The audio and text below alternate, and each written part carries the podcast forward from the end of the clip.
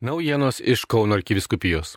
Kaip jau skelbta, vasario 27-ąją šį pirmadienį apaštalinė nunciatūra Lietuvoje pranešė, kad šventasis tėvas Pranciškus kunigas Saulių Bužauską, dabartinį Marijos radio programų direktorių, paskyrė tituliniu Kastelo di Tatro Porto vyskupu ir Kauno arkiviskupijos auxiliaru.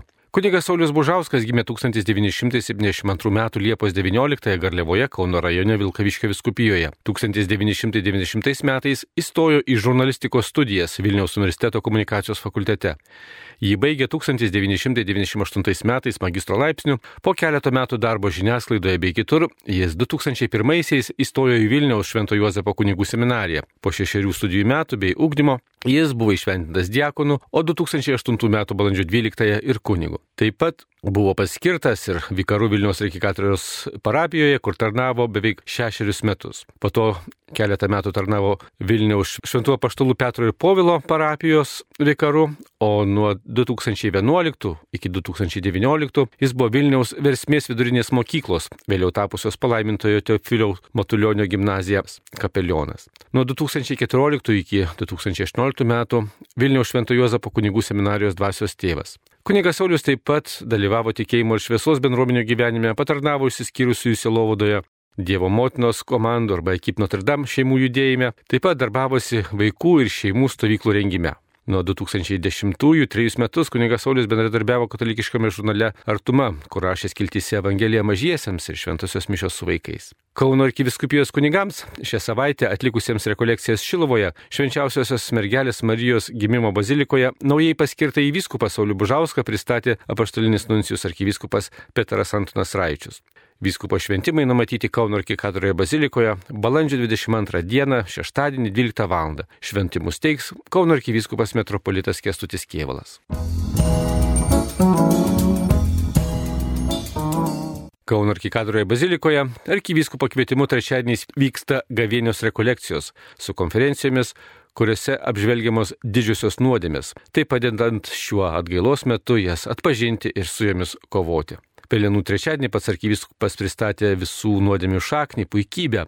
Na, o šį trečiadienį antrąją nuodėmę gopšumą arba godumą apžvelgė tėvas jezuitas Aldonas Gudaitis. Jis sakė, jog nebūtinai tas, kuris turi daug turto, yra gopšus. Svarbu, kad liktų laisva žmogaus širdis, neprisirišusi prie turtų, pasiruošusi dalyti su kitais.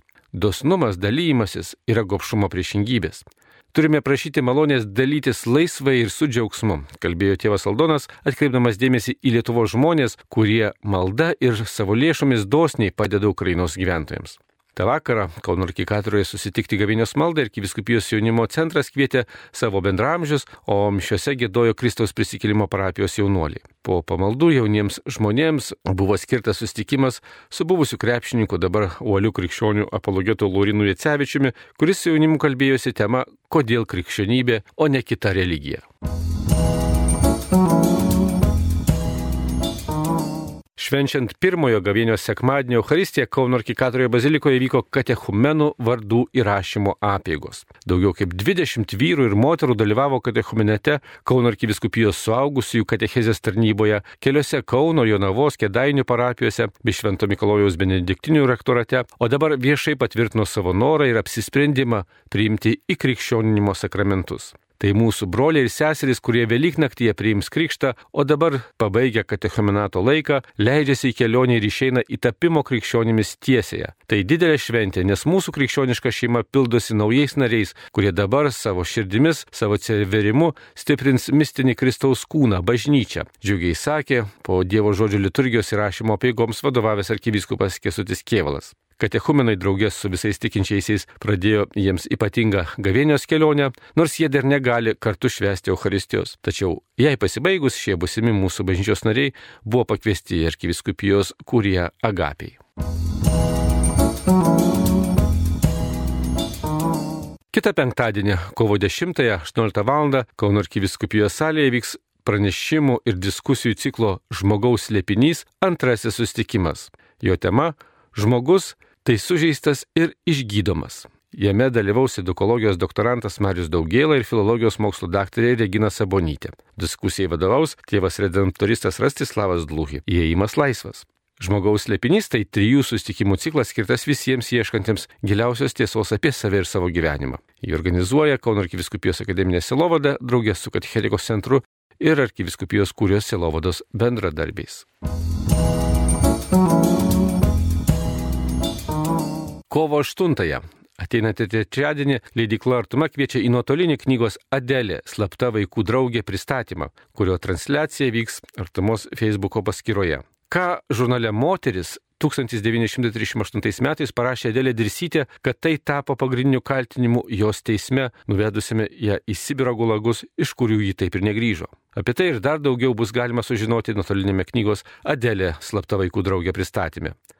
Minint Tarptautinę moters dieną kviečiame susipažinti su nepaprasta Lietuvos moterimi, pasaulietė mokytoja Adelė Dirsytė. Pristatymė dalyvaus knygos autorės ir Adelės skelbimo šventąją bylos rengėjai. Pradžia 19 val. ateinantį trečiadienį kovo 8 išsameu interneto svetainėje artuma.lt.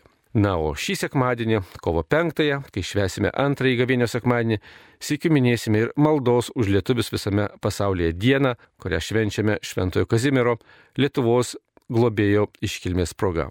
Šios ir kitos naujienos išsameu Kauno arkiviskupijos interneto svetainėje ir socialinio tinklo Facebook paskyroje Marijos Radio iš Kauno Darius Chmeliauskas.